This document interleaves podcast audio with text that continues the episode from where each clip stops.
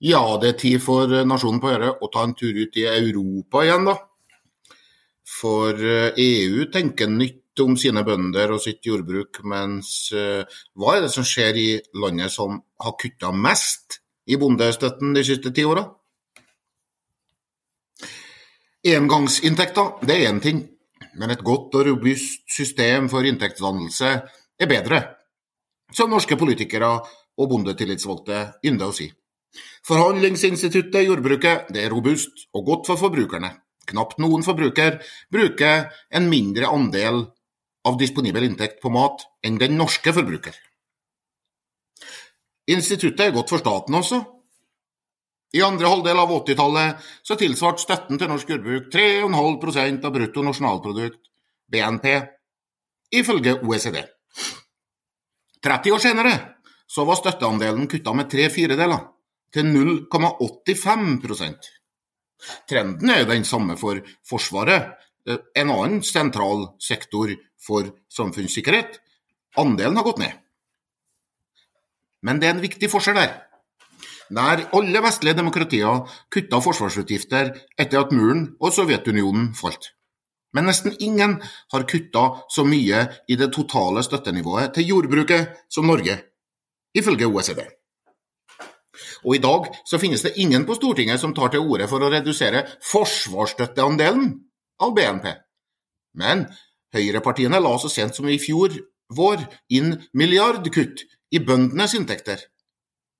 Det er altså i en situasjon hvor norsk bondestøtte, sett bort fra tollvernet, allerede er lavere enn EUs, målt mot bruttonasjonalprodukt.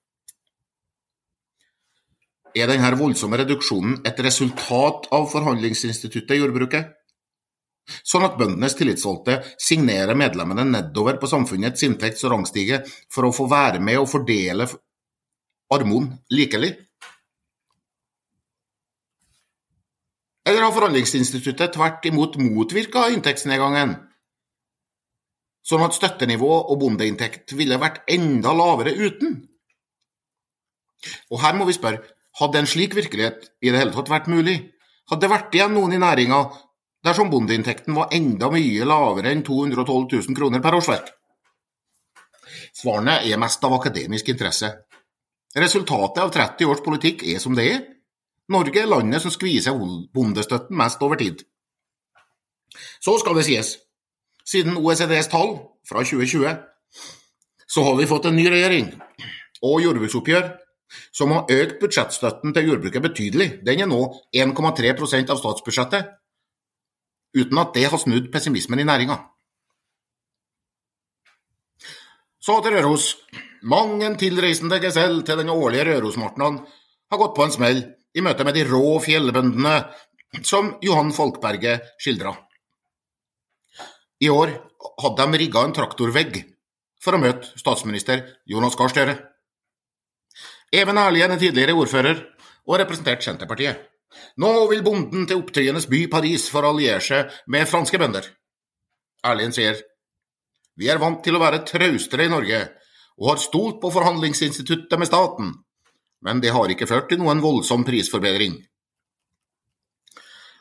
Landbruksmessen Salon d'Agriculture i Paris starter på mandag. Den franske presidenten er fast gjest her. I år så har han med seg løftet om en ny lov som skal trygge inntektene og styrke forhandlingsposisjonen til franske bønder før sommeren. I fall du bruker å være litt berusa på Rørosmartnan eller på Dyrskund, og ikke husker noen tilreisende regjeringsmedlem som lova å gjøre noe sånt på fire måneder i Norge, så kan jeg fortelle deg at noe slikt løfte kom ikke. Jeg var nemlig edru på begge arrangement. Europas regjeringer og EU endre politikk nå. Upopulære planer om å forby plantekjemiske og genetiske verktøy, og å pålegge brakking av jordbruksjord og andre miljøtiltak rulles tilbake.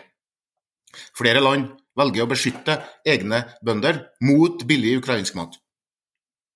På Rørosmartnan fortalte statsministeren hva den norske regjeringa gjør. Jobber med et nytt tallgrunnlag.